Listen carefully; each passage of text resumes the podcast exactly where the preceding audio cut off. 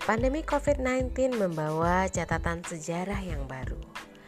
Ada kegiatan yang tidak lagi bisa dilaksanakan. Ada kebiasaan yang seketika perlu ditinggalkan. Segenap sisi hidup pun terdampak. Sosial, ekonomi, pendidikan, bahkan hingga ke hal-hal sederhana.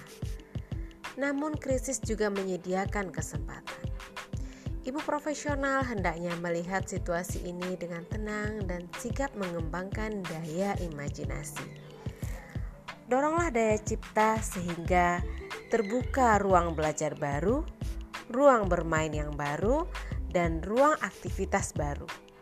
Dari sana akan lahir semesta karya yang memberi manfaat bagi banyak orang. Berkaryalah dan ciptakan sejarah.